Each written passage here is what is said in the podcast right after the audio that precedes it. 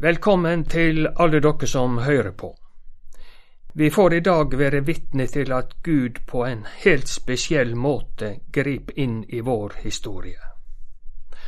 Han bruker to hverdagsdamer til å sette i gang sin redningsaksjon for verden. Les gjerne hele kapittel 1 i Lukasevangeliet, der vårt korte tekstavsnitt er henta fra. Det er altså Maria bådskapsdag i dag, og vi forstår det er nå akkurat ni måneder til jul. Før vi leser dagens tekst, må vi sjå litt på sammenhengen. Først kjem engelen Gabriel til presten Zakaria i tempelet i Jerusalem. Zakaria og kona Elisabeth hadde ei stor sorg. De hadde ikke fått barn men engelen kjem med bønnesvaret. Vær ikkje redd, Zakaria. Gud har høyrt bøna di. Elisabeth, kona di, skal føa deg ein son, og du skal gi han navnet Johannes. Og engelen sier videre, for han skal være stor i Herrens auge, og heilt fra mors liv skal han være fylt av Den heilage ande. Han skal få mange i Israel til å vende om til Herren, deira Gud. Gud hadde en plan for Johannes. Seks måneder seinere er engelen Gabriel tilbake i Israel, denne gangen til ei ung jente i Nasaret. Engelen forteller Maria at hun skal få en sønn som hun skal gi navnet Jesus, og videre han skal være stor og kalla sønn til den høgste. Han skal være konge over Jakobs hus til evig tid, og det skal ikke være ende på kongedømmet hans. Maria lurte på korleis det kunne gå an, hun som ikke hadde vært sammen med noen mann. Men engelen sa, Den heilage ande skal komme over deg og krafta fra den høgste skal skygge over deg. Difor skal òg barnet som blir født, være heilagt og kalles Guds sønn. Vi forstår at Maria sin sønn var meir enn et vanlig barn. Engelen fortalte Maria også om Elisabeth, slektningen hennes, som også venta barn på sine gamle dager. Hun som de sa ikke kunne få barn, er alt i sjette månaden, for ingenting er umulig for Gud. Dagens tekst leser vi fra vers 39 til 45 i det første kapitlet hos Lukas. I Jesu navn. Nokre dager etter drog Maria av stad og skunda seg opp i fjellbygdene, til den byen i Juda der Zakaria bodde. Der gikk hun inn til Elisabeth og helsa på henne. Da Elisabeth høyrde helsinga fra Maria, sparka barnet i magen hennar.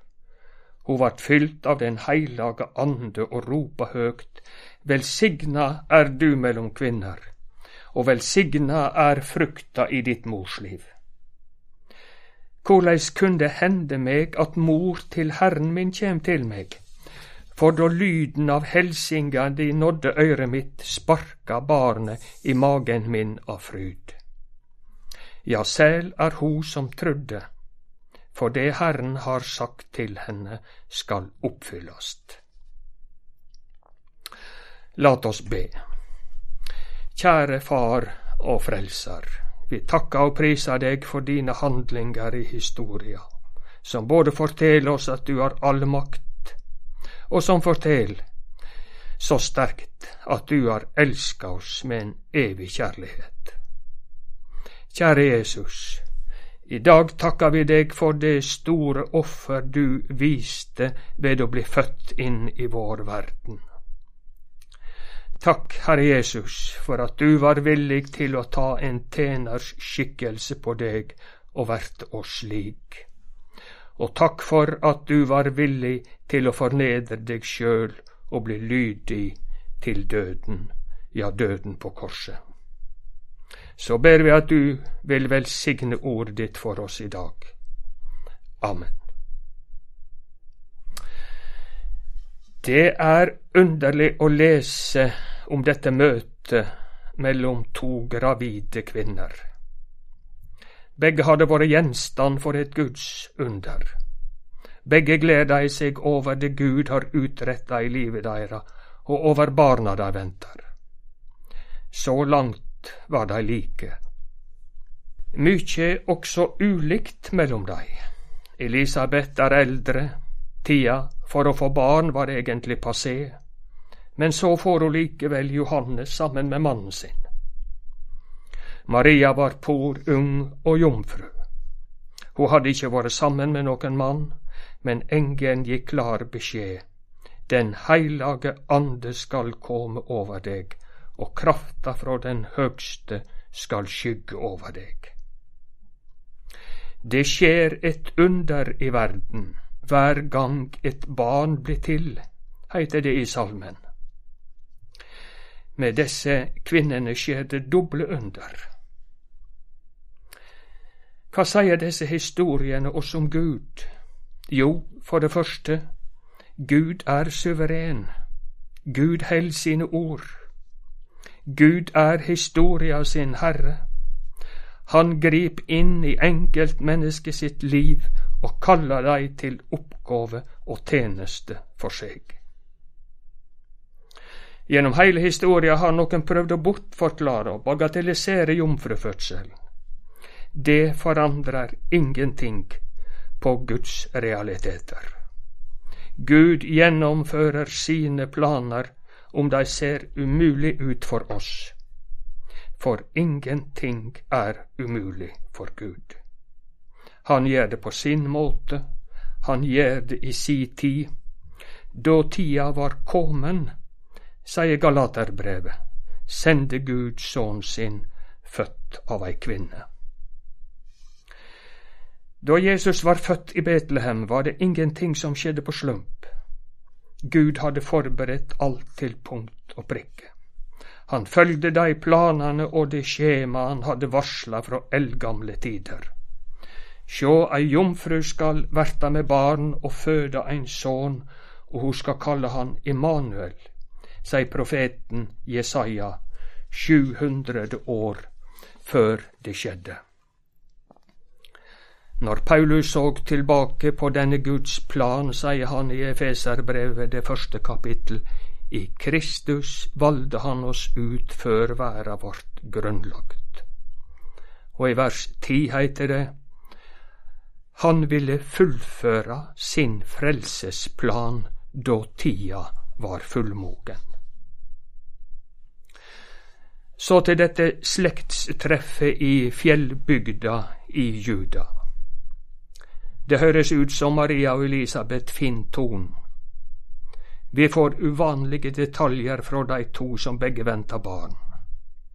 Litt merkelige, men likevel viktige og nødvendige detaljer for å gi oss beskjed om at nå er det verda sin frelser som banker på døra. Nå er tida kommen Guds klokke ringer. Vi forstår møtet mellom Elisabeth og Maria er regissert av Gud sjøl. Elisabeth veit med ein gong Maria åpner munnen at nå står hun overfor den kvinna som skal føre Messias inn i menneskeslekta. Elisabeth bruker Herre om Jesus enda han bare er dager gammal i Marias mage. Hun veit altså at barnet er Gud, og hun undrer seg og kjenner seg uverdig til å få et så storfint besøk. Og til og med Johannes, seks måneder gammel i Elisabeth sitt morsliv, greier ikke ligge stille. Elisabeth merker at han også vil være med på feiringa. For da lyden av helsinga de nådde øret mitt, sparka barnet i magen min av fryd, sier hun. Vi husker hva engelen profeterte om Johannes. Heilt fra mors liv skal han være fylt av Den heilage ande. Nå merker han altså at det er Maria, med Jesus som bare er noen dager eller veker gammel i mors liv, som kjem. Vegrydderen, profeten for den høgste, helser Sonen til den høgste. Johannes fryder seg over Jesus der han ligger i Elisabeth sin mage. Et under ved Den heilage ande. Dette avsnittet sier også mykje om korleis Gud ser på fosteret i mors liv. Elisabeth er så glad at hun ikke lenger kan snakke på vanlig vis. Fylt av Den heilage ande må hun rope. Velsigna er du mellom kvinner, og velsigna er frukta i ditt mors liv. Korleis kunne det henda meg at mor til Herren min kjem til meg? Ja, sæl er ho som trudde. Og Maria responderer med å lovprise Gud. Mi sjel høglover Herren, og mi ånd fryder seg i Gud min frelser, sier hun i fortsettelsen av dagens tekst. For noen damer! For en bibelkunnskap de hadde, Maria og Elisabeth. For nokre forbilder de er for alle truende jenter og kvinner til alle tider. Gud har en plan for livet deres. Han vil ha dei med på sin redningsaksjon for verden. Og de stiller seg til Guds disposisjon med takk og lovsang. Ja, forbilder, ikke bare for damer, for menn også. I dag burde vi alle gjenta etter Maria. Eg er Herrens tjenestkvinne. Eg er Herrens tjener. La det gå som du vil, Herre. Ikke uten grunn var det en lege Gud valgte til å skrive Jesu fødselshistorie. Legen Lukas har skrevet både Lukasevangeliet og apostelgjerningane. Han forteller at han har sett seg føre å skrive ned for deg i sammenheng, vurde Theofilus, etter å ha granska alt vel fra først av, så du kan sjå at det er pålitelig, det du er opplært i. Lukas 1, 1-4. Lukas er pinlig nøyaktig og faktabasert i si historieskriving. Her i kapittel 1 forteller han detaljert om korleis Jesus vart påbegynt i mors liv. Han følger Jesus fram til han fullfører frelsesverket ved sin døde oppstandelse. Og han avslutta evangeliet sitt ved å skrive om korleis apostlene, de som sjøl har vært vitne til alt dette, etter direkte ordre fra Jesus sjøl, i Jesu navn skal forkynne omvending og tilgjeving for syndene for alle folkeslag, og de skal starte heime i Jerusalem. Lukas skriver også den første misjonshistoria i apostelgjerninga, og slutta ikke før evangeliet er trygt planta i verdshovedstaden Roma. Lukas veit at Jesu fødsel ikke er en lokal episode, men noe som hadde betydning for hele verden. Jesus er den ene som har kommet for å frelse alle folkeslag. Lukas går i detaljer, han legger vind på å faktabasere frelseshistoria, for å gjøre den pålitelig for et kritisk publikum. Lukas viser oss at Jesus har et guddommelig opphav som skil han fra alle andre. Gud skapte verda og de første menneska ved sitt ord og ved sin ande. Slik åpna Bibelen vår. På samme måten skjer nå skapinga av Jesus, den andre Adam, også ved Anden. Et vanlig barn med Maria og Josef til foreldre, kunne ikke være verda sin frelser. En kropp infisert av syndefallet, med menneskeslekta si synd og skuld, kunne ikke være det Guds lam som kunne sone all verda si synd.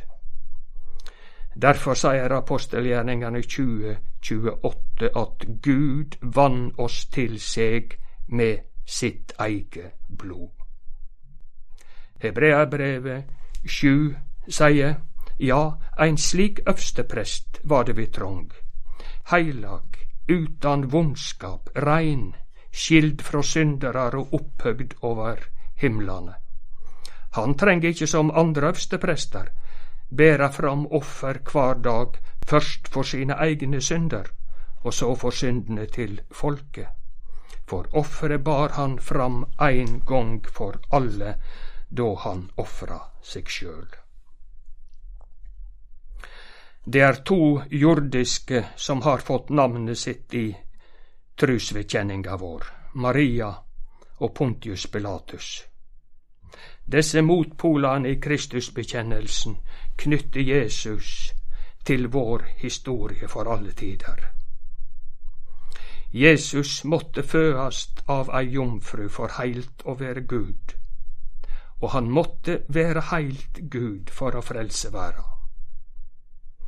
Og han måtte føast av Maria for heilt å være menneske, og han måtte være heilt menneske for å frelse menneska. I dag opplever vi ei særlig nød like for augene våre. Land og folk ikke langt fra oss må oppleve krigens meningsløse ødelegging med angst og gru og død. Hva kan vi gjøre? Vi som trur på Gud, har mange oppgaver. Mange treng ei hjelpande hand, det må vi ikkje gløyme, både nært og fjernande fra oss. Jesus har bedt oss om å bruke bønneretten, også i dagens konkrete situasjon. Midt mellom dykk står ein de ikkje kjenner, måtte døyperen Johannes seie til si samtid. Det same kan vi seie om vår tid.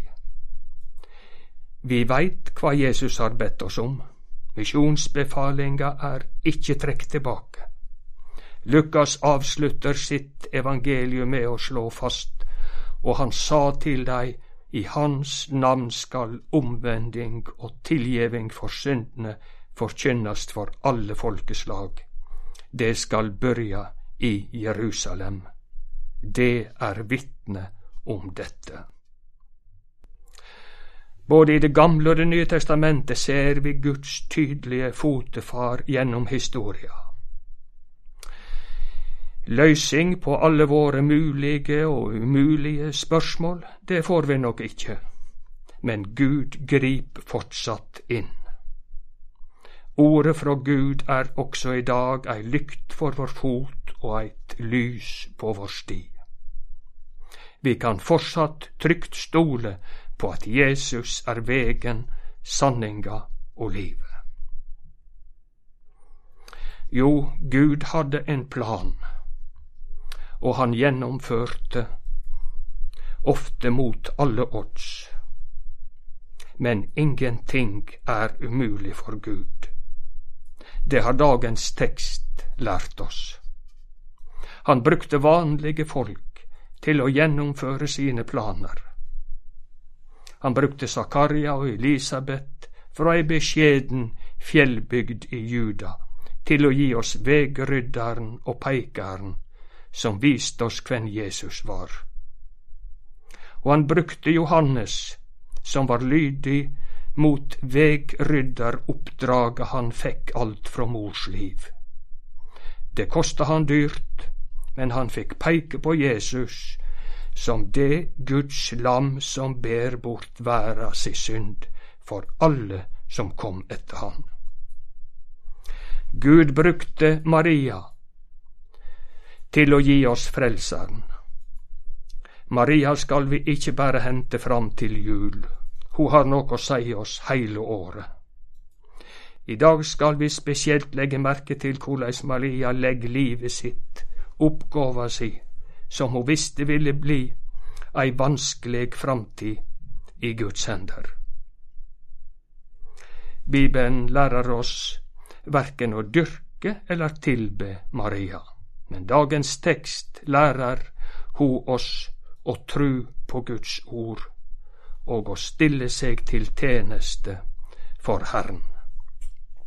Eg er Herrens tenestkvinne. Trua på Jesus kjem aldri åleine. Det følger alltid ei teneste og eit oppdrag med. Slik er det for dei som vil følge Jesus også i dag. Korleis arbeider så Gud i dag? Jo, han har en plan som ennå ikke er sluttført. Enda en gang vil han skape noe nytt. Guds endelige plan, veit vi, er en ny himmel og en ny jord. Det var det apostelen Johannes fikk sjå litt av i synene sine på Patmos. Hør hva Jesus sier om tider som skal komme, i Matteus kapittel 24. Vi kjenner dei att i vår eiga samtid også. Hør, mange falske profeter skal stiga fram og føre mange vill og fordi lovløysa har vorte så stor, skal kjærleiken kulna for dei fleste.